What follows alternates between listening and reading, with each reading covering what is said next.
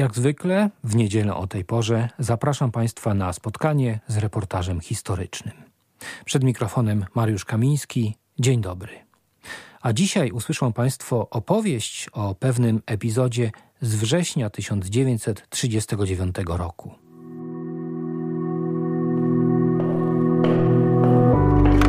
Jakśmy przysięgę składali przed tym sztandarem, aby łomot serc naszych było słychać. Tak było trzeba ratować człowieka. Na własne uszy. Godzina z reportażem. O dramatycznych wydarzeniach z września 1939 roku najlepiej mówić pokazując losy pojedynczych osób, czy to żołnierzy, czy cywilów. W dzisiejszym programie zapraszam do wysłuchania opowieści o historii oddziału Wojska Polskiego, który stoczył potyczkę z radzieckim najeźdźcą w okolicach Chrubieszowa. Za opór żołnierze i sanitariuszka zapłacili największą cenę. Przez wiele lat o tej, jak i o innych zbrodniach popełnianych przez Sowietów na polskich żołnierzach nie można było mówić. Kilka lat temu o tym wydarzeniu przygotowałem reportaż pod tytułem Zbrodnia, który właśnie dzisiaj, przed kolejną rocznicą, chciałbym przypomnieć.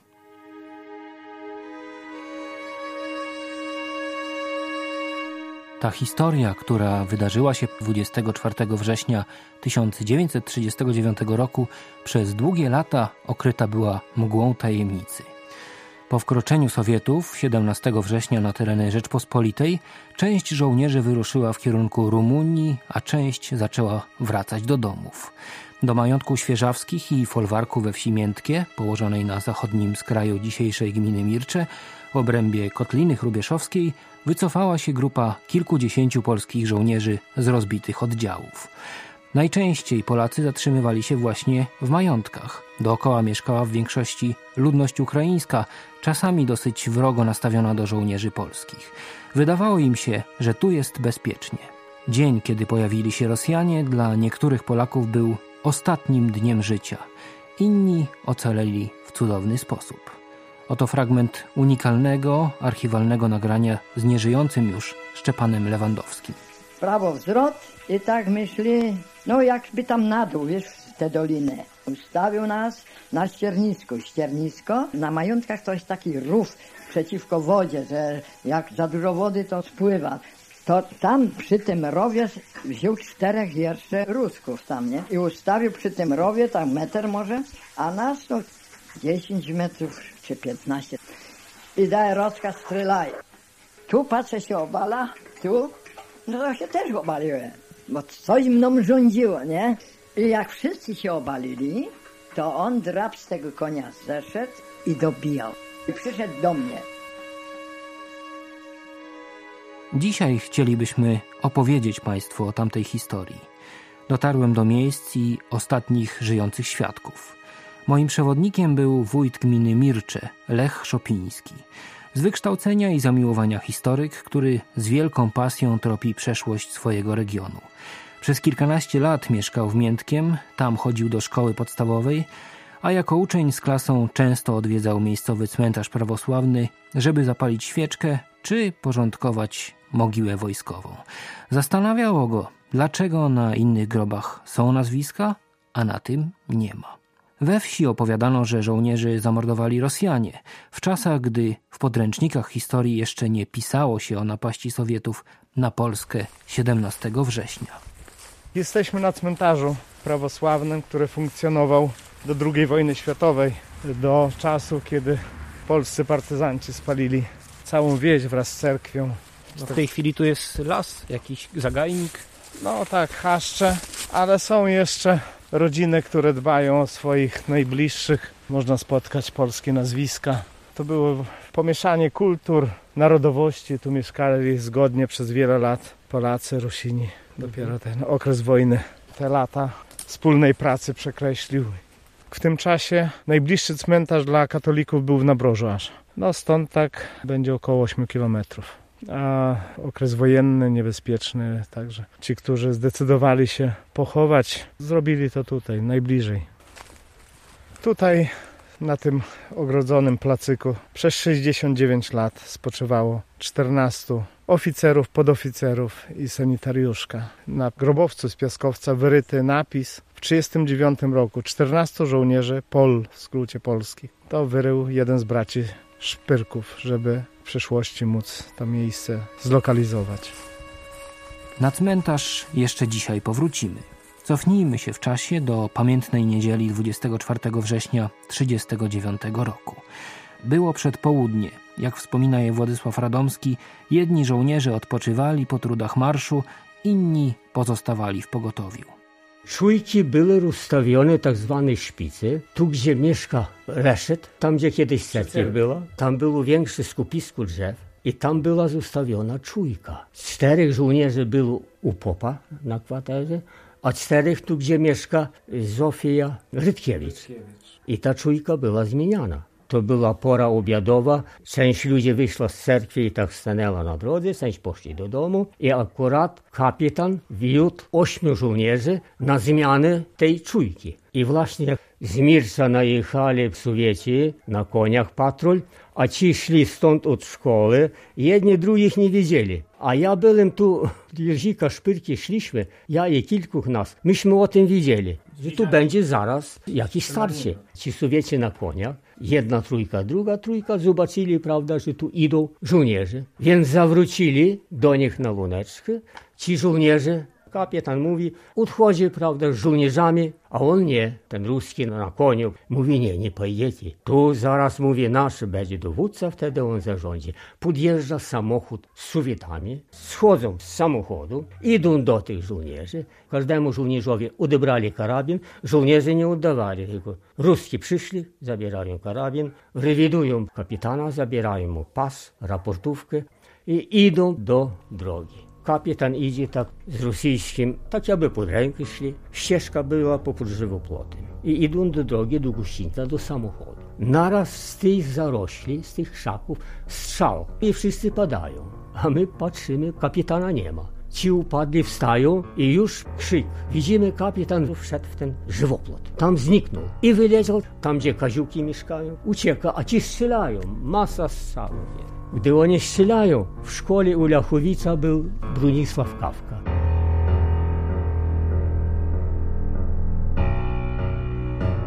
Bronisława Kawkę, który przyjechał na koniu, widział również Tadeusz Ptasiński. Wtedy kilkunastoletni chłopak, który był w tym czasie obok domu nauczyciela Lachowicza i wraz z jego synem oglądał króliki. Jednak jego uwagę zaniepokoił widok na polu. To była już może jakaś pierwsza godzina, Idzie mrzawa z tej strony Udmircza. To tak jakby się mrówki wyroili, tych ruskich. I odkryli Polacy ogień ze dworu, bo to prawdopodobnie sztab stał tutaj w dworze. Patrzy się żołnierz polski, idzie ze dworu, ale z daleka nie wiem, czy na jakim patyku, czy na karabinie. Wywiesił białe flagi. Szedł normalnie prosto na nich, na tych ruskich. A porucznik polski jechał na koniu i zastrzelił tego żołnierza polskiego, żeby się nie poddawać. I ja tak przyszedł już pod te popówki. Plebania u nas wся po rusku, ta popówka. Momentalnie ruski zabzuł i jemu mówił ręce do góry. To on podniósł ręce do góry. Ale widać miał pistolet za pozuchu drugi. Jak on rzucił ten pistolet na ziemię, to ten tego konia machnął tego ruskiego. Ale widać, że go zabił, no bo jeden ruski tam jest pochowany. A co z tym bronkiem? Ten bronik odwiózł tego konia od plotu i tak na łąki. Tam taka drużyna była, na Tyszowcy. A tam na łąkach byli trzy, cztery gospodarstw, już nie pamiętam, ale to Ukraińcy sami mieszkali. A jeden Polak, niejaki Smyk, ożenił się do tego Ukraińca, jego córką, ale on był przed wojną komunistą i krył się i był w stodole i machnął mu tego konia, ranił go. No i koń padł. I Ruski zaraz lecieli za nim, no i te Ukraińcy ze wsi z Windkiego gonili. No i byliby może Ukraińcy tego kawkę rozdarli, żeby nie Ruski. Ruski nie dali. Ukraińcy, ale to mieszkańcy wsi, czy Wsi, oni od razu u paski sobie czerwone ponakładali i momentalnie jego ojciec się wziął, gdzieś cywilne ubranie przyniósł, no i zabrali go. No i to, to tyle na tym pozostało. A tu strzelanina za kapitanem, później kapitanowi udaje się ta ucieczka poza budynkami szkolnymi, a tam już sierżant ustawia CKM z tym, że kapitan kazał karabin maszynowy przenieść na drugą stronę drogi, tak żeby więcej było pola do strzału. I cofnąć za stodole, dumę, żeby z tamtej strony była tak zasłona. No.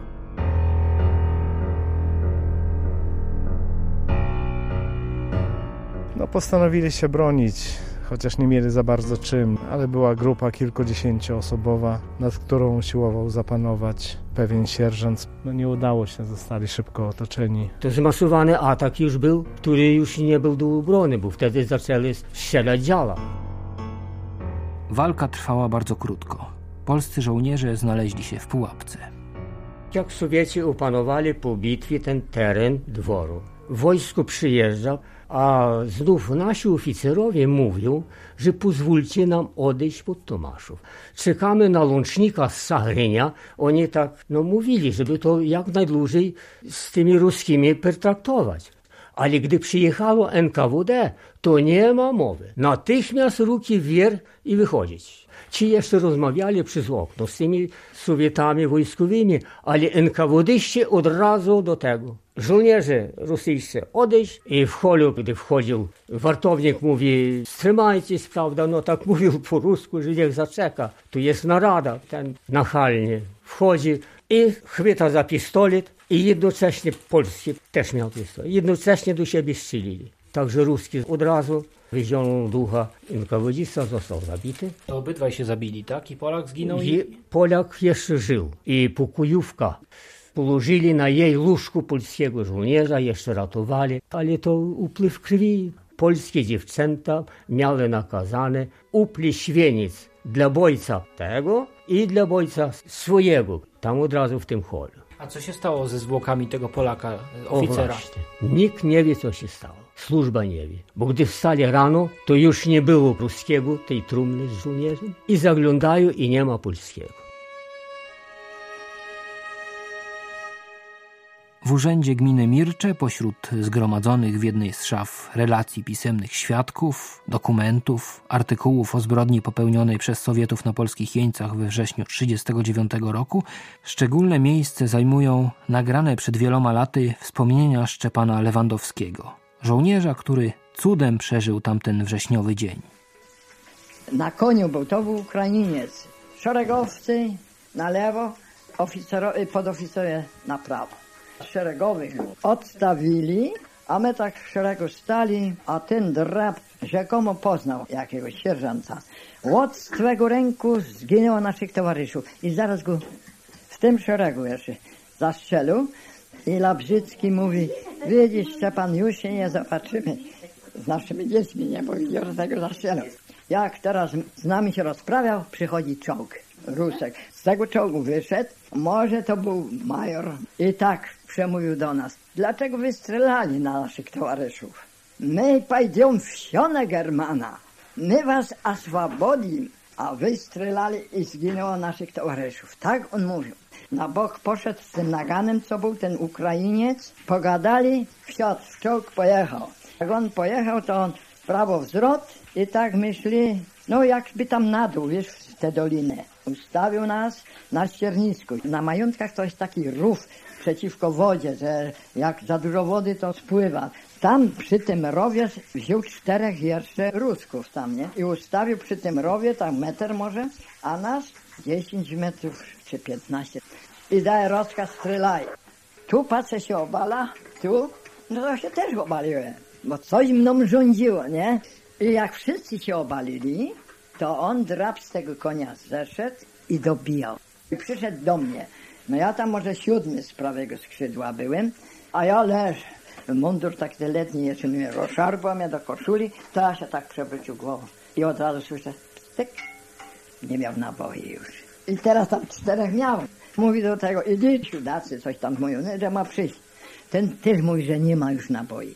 Ale jeszcze było trzech. Słyszę, jednak idzie jeden teraz. No to jest trudno opisać. Mówię, no to już koniec, nie zobaczysz. I strzelił, a nogi miałem tak, że w krok, ale nie ruszył mi ani spodni. Ten cały piach tu mnie opryskał i on, te ostatnie słowa, idziemy w czortu. Na mnie skończył i poszli. Słyszałem jeszcze, jak tam się z tym naszym taborem, wiesz, bo tam i, i zegarki, brzytwy, takie różne, wiesz, to oni wiedzieli, jak to ruski, to oni tam wszystko, zaś, tam się kłócili, bo to było, słuchaj, to jest jakie tam 100 metrów najwyżej było, jak nas tam od tego majątku, od tego parku tam odprowadził. Jak tak leżałem, od razu tu się jeden ruszył koło mnie. Pytam się, co koledze jest. Ja mówię, ja zupełnie zdrów. A on kunający już wyłożył się. Po dwóch godzinach słyszę po tym ściernisku tak, ktoś się smyka. Widziałem głowę i smyknął się do tego rowu. Tamtych już nie było słychać, był taki zmrok i ciągam się. Ten jeden mój kolego, zabierz mnie te. I ja mówię, ja szukam kolegę z wioski. A on mi zaraz już nie mógł stać. W musiał gdzieś. Tak chrabotało mu. I w lokę się dali, znów jeden prosi mnie. Ja mnie, ja szukam kolegi z wioski, ale ten właśnie był ten podporucznik. I on tu miał rozszarpane całe ramię, ale krew mu jakoś nie uszła. Trzepił się do mnie i tak sprawdziłem, Labrzycki nie żyje i z tym podporucznikiem, aby ucieknąć z tego miejsca. Może była dziesiąta czy jedenasta w nocy. Pola były, jałowce coś stało na tych miedzach. Kurczę, co my przeżywali. Co myślałeś, że to Ruski tam stoją, znów leżałeś, a księżyc już zaczął świecić. I do lasu my się dostali. I szliśmy na ten zachód. Poszliśmy na kierunek Kraśnik, Krasny Staw, Piaski. Ile wtedy żołnierzy zginęło? Mi trudno powiedzieć, czy nas było 20 tych podoficerów i oficerów, bo szeregowych zaraz im się krzywda nie działa. Odstawili ich, tam około 80 było. Jesteśmy w Miętkiem Przerowie, nad którym zostali rozstrzelani podoficerowie i oficerowie. Tutaj były jakieś drzewa, czy po prostu rów? Tutaj nie było tej wioski, bo ta wioska powstała w wyniku reformy rolnej. Tutaj były pola Romualda Świeżawskiego. Po lewej stronie dawny park, tam był majątek Świeżawskich, stamtąd przeprowadzono żołnierzy i tutaj nad tym rowem rozstrzelano. Trzy osoby się uratowały. To był Szczepan Lewandowski, Tadeusz Sołtys, podporucznik z Podrawy Ruskiej, z Maciejowa i Bronisław Kawka, który pochodził z Miętkiego, był rotmistrzem kawalerii i też dziwnym trafem tutaj się znalazł, zdołał się uratować. Jeszcze po latach można było znaleźć tutaj naboje, te dwa bagnety, być może starali się ukryć. No miejsce przypadkowo. W majątku było dużo świadków, bo mieszkała tam służba folwarczna i dlatego odeszli dosłownie no, 150-200 metrów. I tutaj dla większości z nich był to koniec. Oprawcy nie tylko zamordowali żołnierzy, ale planowali, aby ich ciał nigdy nie odnaleziono. Tam miało być rozstrzelanych 13, sanitariuszka 14. Przychodzą raniutko ci oprawcy z łopatami. Oni już mieli zamiar ich zakopać w rowie. I zamaskować, posadzić tam to pole czy coś. Gdy się pop dowiedział, od razu zorganizował, że tak nie powinno być, zabrać ich trzeba na cmentarz. Tam nie ma 13, tylko 10, więc coś się stało. Oni byli zszokowani. Jak Szpyrka Józik przyjechał z tym swoim bratem i cieśla Roman, ci ganiali i nie pozwolili nic zabierać. Jak wynika z relacji świadków, wszystkie ciała zostały przewiezione na cmentarz prawosławny, oddalony stąd około kilometra. Drabiniastym chłopskim wozem. W poniedziałek dwóch tych z opaskami przyszło, niejaki Popcańka i Kirylu taki. Pod karabinem mego ojca o tak i prowadzą na cmentarz Kopodzitu. Czy ojciec się pobał, czy coś? Grunt, że on mnie wziął. No z dzieckiem nie zabiją może. No, no tak, no bo ja wtedy no 12 lat miałem. I ja pierwszy raz w życiu to widziałem tych zabitych. Jak się napatrzałem, to ja przez dwa tygodnie ani spać, ani jeść nie mógł. Jak oni się jeszcze może ratowali, byli ciężko ranne, to jeszcze powiedzmy o tak wziął ziemi, proszę pana, jeszcze trzymał ziemi. Ja się popatrzałem, to głowa rozbita, roztrzaskana. Ojciec takie kwadratowe dół wykopał, a szpyrka Jasiu Szpyrka Edek i Cieśla Roman. Formankami, jak to dawniej w drabinach był, zwozili tych zabitych. No i ojciec tak klat i taki klat. No i sanitarka była też, ta dziewczyna. I tego ruskiego osobno pochowali. I jednego żołnierza, oficera przywieźli, że gdzieś nie, nie obrabowali. To był kapitan. Próbowano zdjąć buty nad ranem koło dumy Michała, tam gdzie prawda leżał zabity. Ale Michał wyszedł i ich przypędził. Oni już zaczęli palić, obok palili, rozgrzewali zwłoki. Tak, żeby zdjąć mundur zdjęli, ale chodził u spodnie. Spodnie eleganckie i buty. Prostowali nogi, żeby to zdjąć. Nie udało się, więc próbowano na cmentarzu to zrobić. Taki był miętkim Ukrainiec. Zobaczył, że przywieźli tego żołnierza z tymi butami i tak wziął między nogi, o tak, te nogi i chciał ściągnąć tego buta. A ruski lejtnant stał, to pamiętam jak go nazywali, ja nie wiem jaka to szarża. Tak się patrzę, patrzę na niego i jak go kopnął w tyłek, tak on poleciał może no tamtego płotu. No i on za to wojował i nie za w tym ginie. No i na tym się skończyło, że tego buta ani munduru nikt nie ściągnął, tak żołnierz został pochowany. Sanitariuszka nie męczyła się, tak od razu zabili ją. Ale dlaczego ją zastrzelili? Była kobietą, nie miała jakiejś rangi większej. Znieważyła ruskich. Powiedziała im o konwencji genewskiej, tu jest wszystko opisane. Słyszeli to, prawda, a legitymacja wyglądała spod pole munduru, płaszcza, bo to w płaszczu była. Tą legitymację miał zabrać tak zwany portuś. I Józef Szpyrka był świadkiem, tu jest zeznanie jego, jak on ściągnął z sanitariuszki pierścień ręki. I nogą ten portuś przytrzymywał zwłoki i tak ręką szarpał. I tą legitymację Szpyrka Józef chciał to zabrać. I uberwał wtedy, bo tam drugi był blisko przy tym jakiś, czy może sam ten portuś. Dosyć, że Szpyrka Józef wtedy dostał z tyłu, upadł i akurat się zjawił Żyd Moszko. Moszku niewiele myśląc, chapnął legitymację i pognał tędy do dworu. Ale napotkał tam, gdzie mieszkają ostatnie, prawda, domy, te tak zwane czworaki.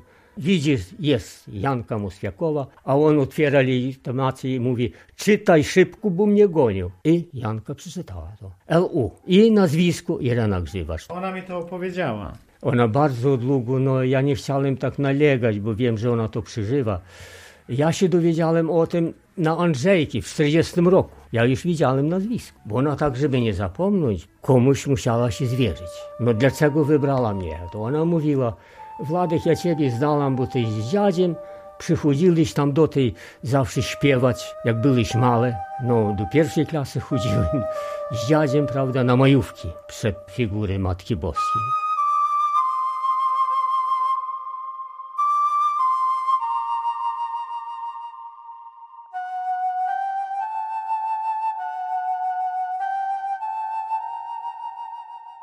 Ponownie przenieśmy się na cmentarz prawosławny, gdzie pochowano polskich żołnierzy. Dopiero w latach 70. to miejsce zostało w pewien sposób upamiętnione. Tu zresztą widać jest napis. Jest krzyż taki cementowy odlany. Nieznana sanitariuszka poległa w 1939 roku. Cześć jej pamięci. Wtedy nie znano. Wtedy nie znano, dzisiaj już znamy jej tożsamość. Przełom w przywracaniu pamięci o pomordowanych żołnierzach nastąpił dopiero kilka lat temu. Poproszę pana Zenona Labrzyckiego i syna pana Ryszarda Grzywacza, brata sanitariuszki Ireny Grzywacz o podejście. Chcemy wręczyć smutne pamiątki, ale pamiątki, które zostały znalezione przy ofiarach. Jest to kula, którą został zastrzelony pan Jan Labrzycki, kapral i orzełki w koronie z płaszczów, którymi byli przykryci. Obiecaliśmy rok temu. Udało się. Dobrze. Daj nam mi tą, tutaj chcę pokazać właśnie te. Tu jest żona i tu jest jedna córka, druga i Ewa, chodźmy. Tutaj bardzo wolno trzeba otwierać, bo to wypada. Dwa guziki. Tak nic nie oczyszczone, tak jak to było i ta kula, Ta kula, która tkwiła w skroni, proszę pana. To- To jest właśnie ta kula. Jak relikwie będziemy po prostu to trzymać, prawda? To jest dla nas bardzo, a zwłaszcza dla męża. Dzięki informacji właśnie od pana Szczepana tylko jedna czaszka miała kulę, więc po prostu możemy mieć pewność, że wiemy, które prochy, które kości są naszego dziadka. Stoimy wszyscy przy mogile, która będzie trwałym symbolem zbrojnej walki z faszyzmem, walki o niepodległość, o honor Polaka. Pomordowani w Miętkiem są przykładem prawdziwego heroizmu i bohaterstwa. Być może nie jednego z nich czekała kariera, sława, a może gorzki chleb. Co naprawdę wydarzyło się 24 września, dał świadectwo prawdzie naoczny świadek, który przeżył własną śmierć, pan Szczepan Lewandowski. Posłuchajmy jego relacji. To była niedziela, 24 wrzesień, ta, a 17 oni weszli, nie? I nas otoczyli. Dzięki właściwie panu Szczepanowi, który przeżył, który wszystko nam opowiedział, były te wiadomości, prawda? On był żywym świadkiem i, i To były czasy, gdzie nie wolno było mówić, bo się każdy bał. pierwsze kroki poszedł do księdza u nas, którego potem Niemcy też zamordowali. Wzięli go do obozu. No i wszystko przekazał mojej matce, I sama musiała synów wychowywać później. Brat taty też zmarł w wieku 8 lat, także Ciągle brał zdjęcia, oglądał, pokazywał nam. Nie obyło się nigdy bez łez, zawsze był wzruszony. Na pewno jemu brakowało ojca. po wojnie to były takie znowu czasy, że ci, co wszyscy byli wielkimi bohaterami, bo to ja pamiętam, bo miałem 7 lat, ja do, do szkoły, no to tam tak, z Undry dostawali paczki, a jeśli chodzi o mnie, no to już mi nie dali. Dopiero po wielu, wielu latach pan Szczepan Lewandowski otworzył swoje serce i zaczął właśnie wszystko No dokładnie otworzył. opowiadać. Dlaczego otworzył? Bo przed wojną jako młody pracował u takiego tam, który miał sklep w Poznaniu. I jak wrócił, to ta wnuczka właśnie była reporterkiem w Warszawie. I ona przyjechała na jego imieniny, ale to były lata 90. już. I tą audycja była nagrana i w gazecie opisana. I od tego się tak zaczęło już na dobre, bo można było mówić. Ojciec poszedł z tam mojej wioski z Poznania, bo to tam Puszczykowo pod Poznaniem, tam 10 kilometrów jest. I oni dostali powołanie do wojska, do Łódzka. No i ja w ten czas miałem już to nagranie. Wyszukałem na mapie, bo kiedyś miałem mapę Polski, nie było ani Miętkiego, ani tego, no bo nie na każdej mapie było, ale tam jechałem tutaj granicami i napotkałem samych ludzi dobrych woli. Tu teraz idziemy, gdzie była ta mogiła. Tak prosto tamtędy. Jak ja tu pierwszy raz przyjechałem, jechałem tamtą drogą i zaraz z początku tej drogi pytam się o ten majątek. I facet tam mi powiedział, on miał chyba 9 czy ileś lat, jak ich rozstrzelali. I to samo mi powtórzył, co ten ojca kolega, no więc to już było pewne. Nie? I mówi, że jak będzie katolicka kaplica, a to tutaj był cmentarz prawosławny. Ta kaplica będzie, to mam iść do końca, aż się pole zacznie i w lewo i będzie ta kwatera. No i była. I jak ja tu przyjechałem, to ten tunel to był taki, że tak myśmy przechodzili. Tu w tych chaszczach, nie? Potem go wycięli, już zrobili trochę. O, to jeden z tych, co przewoził, napisał tam te 14 żołnierzom i taki ten krzyż postawił. Jak ja pierwszy raz przyjechałem, to to leżało na ziemi, a że byłem z kolegami, to ustawiliśmy to. No już dochodzi. Dzisiaj który pan raz już tutaj jest? Ja byłem od 2000 roku, co roku, chyba jednego roku byłem dwa razy. O i teraz tak, to jest ta kwatera. No i tu był ten pomnik w środku tej sanitariuszki. Tu. Jest napisane, nieznana sanitariusza poległa. Ale to była tylko atrapa, bo ona leżała tu w nogach na tych żołnierzach, tu. Proszę ekscelencję biskupa polowego Wojska Polskiego, generała dywizji Tadeusza Płoskiego o przewodnictwo celebrze mszy świętej w intencji spoczywających w tej kwaterze i wszystkich obrońców naszej ojczyzny. 70 lat czekali na pochówek. Towarzyszyła im wtedy tylko cicha modlitwa najbliższych z rodziny. Nie było ceremoniału wojskowego, nie było kapłana. Dzisiaj, po 70 latach, chcemy sprawować za nich mszę świętą pogrzebową, modlić się. Stoją dziś na wiecznej warcie 14 oficerów i podoficerów i dzielna sanitariuszka.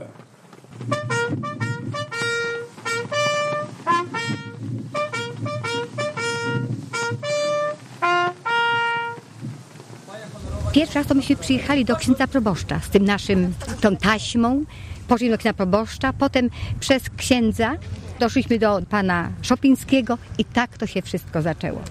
Kilkakrotnie on nas obwoził, gdzie ten majątek miętkie, gdzie ten rów, gdzie ten skrawek tego cmentarza prawosławnego, gdzie byli zakopani, to wszystko nas obwoził pan wójt. Wtedy był jeszcze nauczycielem historii. I to było takie wspaniałe, no, no, że tyle nam poświęcał zawsze czasu. Telefonicznie byliśmy w kontakcie, także wie pan, cały czas to było żywe tak rozmawialiśmy, żeby może w jakiś sposób bardziej upamiętnić, być może ekshumować i przenieść prochy żołnierzy na cmentarz w Mirczu i może w międzyczasie udałoby się ustalić tożsamość żołnierzy. To był główny cel, bowiem wiadomo, że żołnierze mają nieśmiertelniki, jak idą na wojnę i być może liczyliśmy na to, że uda się to zrobić. Całą sprawę administracyjnie to rozpoczęliśmy w roku chyba 2001. Zainteresowaliśmy sprawą Wojewódzki Komitet Ochrony Pamięci Walki i Męczeństwa w Lublinie, wojewodę lubelskiego i do sprawy wróciliśmy, kiedy zostałem wójtem w roku 2006. Dzięki zaangażowaniu wielu osób, dzięki pomocy finansowej Rady Gminy, no i przede wszystkim dzięki pieniążkom, które obiecał nam pan sekretarz przewoźnik na upamiętnienie, mogliśmy dokonać ekshumacji żołnierzy i sanitariuszki, którzy zginęli tragicznie 24 września 1939 roku w majątku Miętkie. W grudniu została wykonana kwatera wojskowa na cmentarzu. Były już wyryte nazwiska i kaprala Labrzeckiego, i sanitariuszki Ireny Grzywac. I cały czas mnie dręczyło, że no przecież znamy imię i nazwisko. Dzwoniłem do Biura Poszukiwania Polskiego Czerwonego Krzyża i tam mnie poinformowano, gdzie urodziła się Irena Grzywacz, bo matka poszukiwała ją no, praktycznie od 1939 roku, a przez Biuro Poszukiwania 1947. Usiadłem, myślę, kliknę nazwisko Grzywacz w internecie i wyskoczyły mi miejscowość Bednary. I tak myślę, spróbuję od Bednar. No, ale że jestem nauczycielem, zadzwoniłem do dyrektorki szkoły. Pani Teresa Multan odebrała telefon Powiedział mi tylko tyle, że tutaj właśnie w Miętkiem zginęła Irena Grzywacz, że miała 19 lat, że się urodziła w 20 roku, że z Warszawy właśnie krewni szukali jej przez PCK, ale niestety żadnych informacji nie było. I tego samego dnia od razu właśnie zaczęłam robić to dochodzenie. Grzywaczów akurat u nas tam w Bednarach jest bardzo dużo. Poszłam do sąsiadki szkoły, która z domu też się nazywała Grzywacz. No i czy miała z Warszawy jakąś ciotkę? Ona mówi, że nie. I jeszcze powiedziała właśnie o pani Galowej, że ona miała jakąś ciotkę w Warszawie.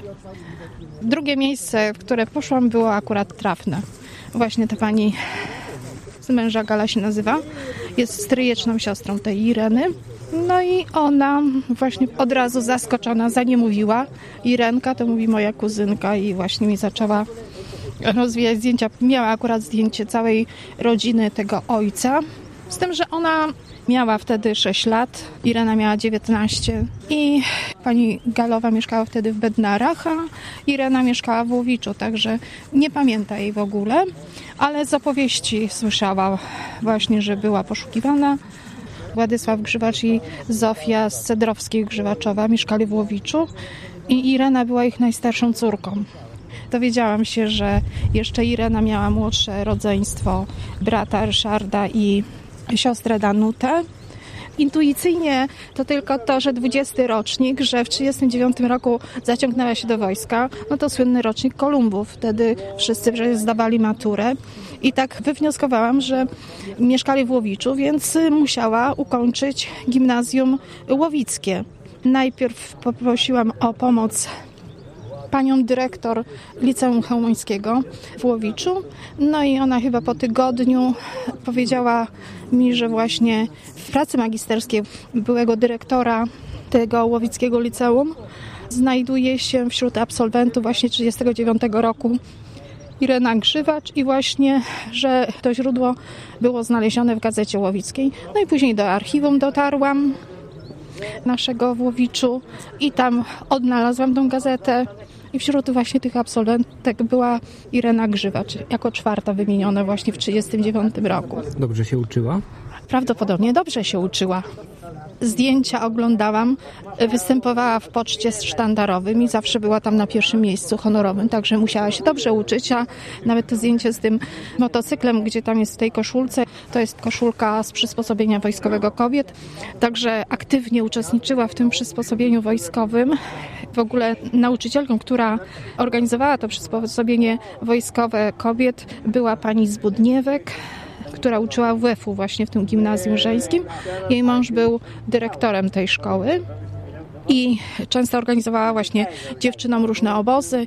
Irena wyjeżdżała na te obozy tego przysposobienia wojskowego kobiet. No i, i, właściwie te patriotyczne hasła, w ogóle ta organizacja dość prężnie działała w Łowiczu. No i jak w połowie sierpnia już ta mobilizacja była, właśnie Irena się zgłosiła na wyjazd, jej taka koleżanka Halina Wojda, teraz Pągowska, ona jeszcze żyje do tej pory, mieszka w Łowiczu. Ona została na miejscu i była łączniczką. Także z opowieści pani tej Pągowskiej wynika, że była to dziewczyna zdecydowana, energiczna, bardzo ładna, zgrabna.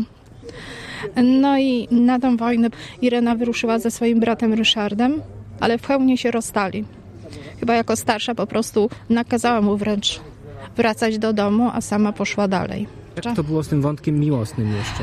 Jej chłopak, jej sympatia w 38 zdał maturę, no i oni często przebywali ze sobą. Według rodziny był to narzeczony. A według koleżanki była to sympatia taka jak ich wiele, ale ten akurat był taki wyjątkowy, czyli raczej można powiedzieć, że jednak coś więcej ich łączyło niż tylko taka przyjaźń. No i to był Zdzisław Jędrzejewski. Był synem stolarza, no pytam o ten wątek miłosny, bo też siostra była. Proponowano jej, żeby... No rodzice chcieli, żeby wyszła właśnie za mąż za tego narzeczonego, ale nie zdecydowała się nigdy i to, że została jednak sama do końca życia, nigdy nie wyszła za mąż, o czymś też świadczy. Mówiła wprost, że co by było, jakby Irka wróciła. Wdzięcznie za posługę serdecznie dziękujemy Jego Ekscelencji biskupowi Polowemu i prosimy o poświęcenie kwatery wojskowej. Prochem jesteście i w proch się obrócicie, ale Pan z was wskrzesi w dniu ostatecznym. Żyjcie w pokoju. Jesteśmy z Warszawy i ja jestem bratankiem pani Ireny Grzywa, czyli sanitariuszki. Żona była pierwszą osobą, która odebrała telefon chyba od... Od pani dyrektor szkoły z Bednar pierwsza sprawa ogromne zaskoczenie, bo nikt się nie spodziewał, że to ciało właśnie zostanie odnalezione, a później radość, że wreszcie będziemy wiedzieli, gdzie jest ciocia pochowana, że będzie można pojechać na grób, pomodlić się, zapalić świeczkę, oddać jej to, co się zmarłym należy, prawda? Mówiło się, że to była bardzo dzielna, odważna dziewczyna, dlatego że ona poszła na wojnę i jakoś należała takiej wojskowej kobiecej organizacji wbrew rodzicom, wbrew woli narzeczonego. Po prostu rodzina się sprzeciwiała, a ona poszła. Rodzina po wojnie już umieściła na grobie rodziny Łowiczu tablicę że Irena Grzywacz zaginęła w 1939 roku w niewiadomych okolicznościach. I ta tablica jest. My oczywiście grup rodzinny odwiedzamy i no teraz będziemy wiedzieli więcej o okolicznościach śmierci cioci. W tej chwili to dla nas jest bohaterką narodową, można powiedzieć. Była decyzja żołnierzy rosyjskich że miała stanąć w tej grupie osób ocalonych, ale ona przeszła na stronę skazańców w tym momencie. Została rozstrzelana razem z nimi. Na pewno to jest fantastyczny wzór dla młodzieży, dla dzieci. Można na podstawie tej postaci nawet nie tylko patriotyzmu, ale i innych takich odpowiedzialności, obowiązkowości, sumienności, no wszystkiego można uczyć i szkoła w Bednarach chce zorganizować jakąś izbę pamięci, czy nazwać drużynę harcerską imieniem sanitariuszki Ireny Grzywacz. Tak samo otrzymałem pismo z liceum ogólnokształcącego imieniem Józefa Chełmońskiego, do której chodziła Irena Grzywacz, że też o tym myślą. Wspomnienia wojny do dzisiaj żyją w ludziach. Szczególnie wartościowy jest każdy przejaw pamięci ze strony pokoleń, które nie były świadkami tych okrutnych wydarzeń. Bardzo proszę wójta gminy, pana Lecha Szopińskiego o przekazanie aktu powierzenia w opiekę kwatery wojskowej gimnazjum imieniem księdza kardynała Stefana Wyszyńskiego w Mirczu.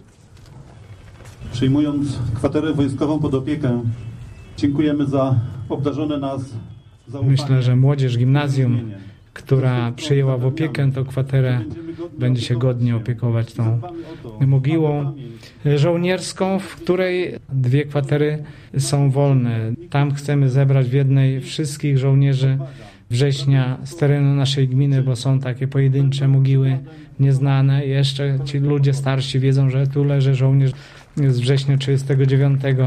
W drugiej zaś kwaterce chcemy złożyć szczątki żołnierzy z roku 1920, którzy zginęli w dużej bitwie między Modryniem, Szychowicami a Kryłowem w roku 1920 z oddziałami Semiona Budionnego. Był to taki fragment czy odprysk bitwy pod Komarowem.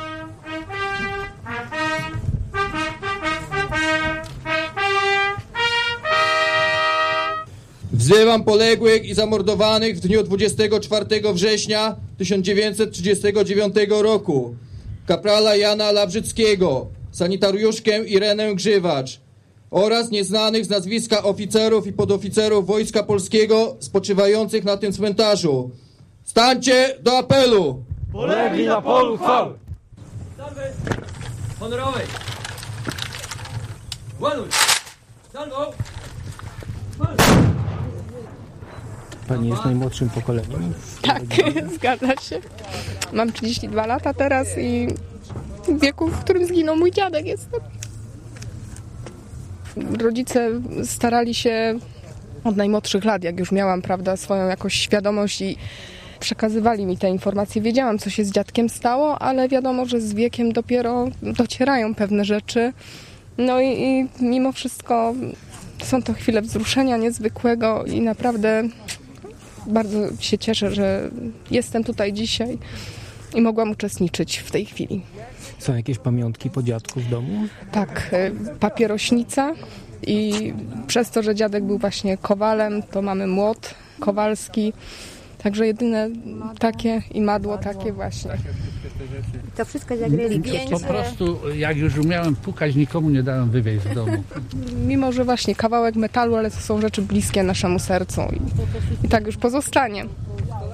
Dziadek właściwie codziennie patrzy na nas, bo mamy galerię zdjęć rodzinnych na klatce schodowej, którą codziennie przemierzamy kilkakrotnie. Także właściwie jest z nami cały czas.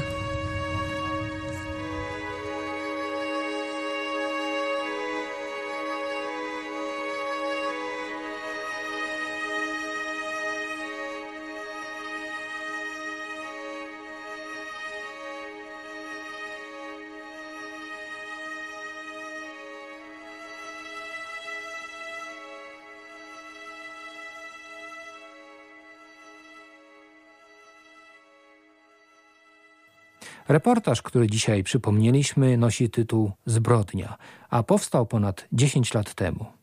W audycji udział wzięli rodzina kaprala Jana Labrzyckiego, syn Zenon, synowa Nina, wnuczki Ewa i Katarzyna, rodzina sanitariuszki Ireny Grzywacz, bratanek Andrzej Grzywacz i jego żona Lucyna, wójt gminy Mircze Lech Szopiński, Teresa Multan, dyrektorka szkoły podstawowej w Bednarach oraz Tadeusz Ptasiński i Władysław Radomski, świadkowie wydarzeń z 24 września 1939 roku. Dodam, że mszy w czasie uroczystości pogrzebowych 14 polskich żołnierzy i sanitariuszki na cmentarzu w Mirczu w kwietniu 2009 roku przewodził biskup polowy Wojska Polskiego generał Tadeusz Płoski, który później zginął w katastrofie smoleńskiej. Apel poległych odczytał major Frączek, przedstawiciel ministra obrony narodowej. W audycji również pojawiły się fragmenty reportażu Wandy Tycner, którego bohaterem był nieżyjący już dzisiaj kapral Szczepan Lewandowski. I to wszystko w dzisiejszym programie. Do usłyszenia za tydzień. Mariusz Kamiński.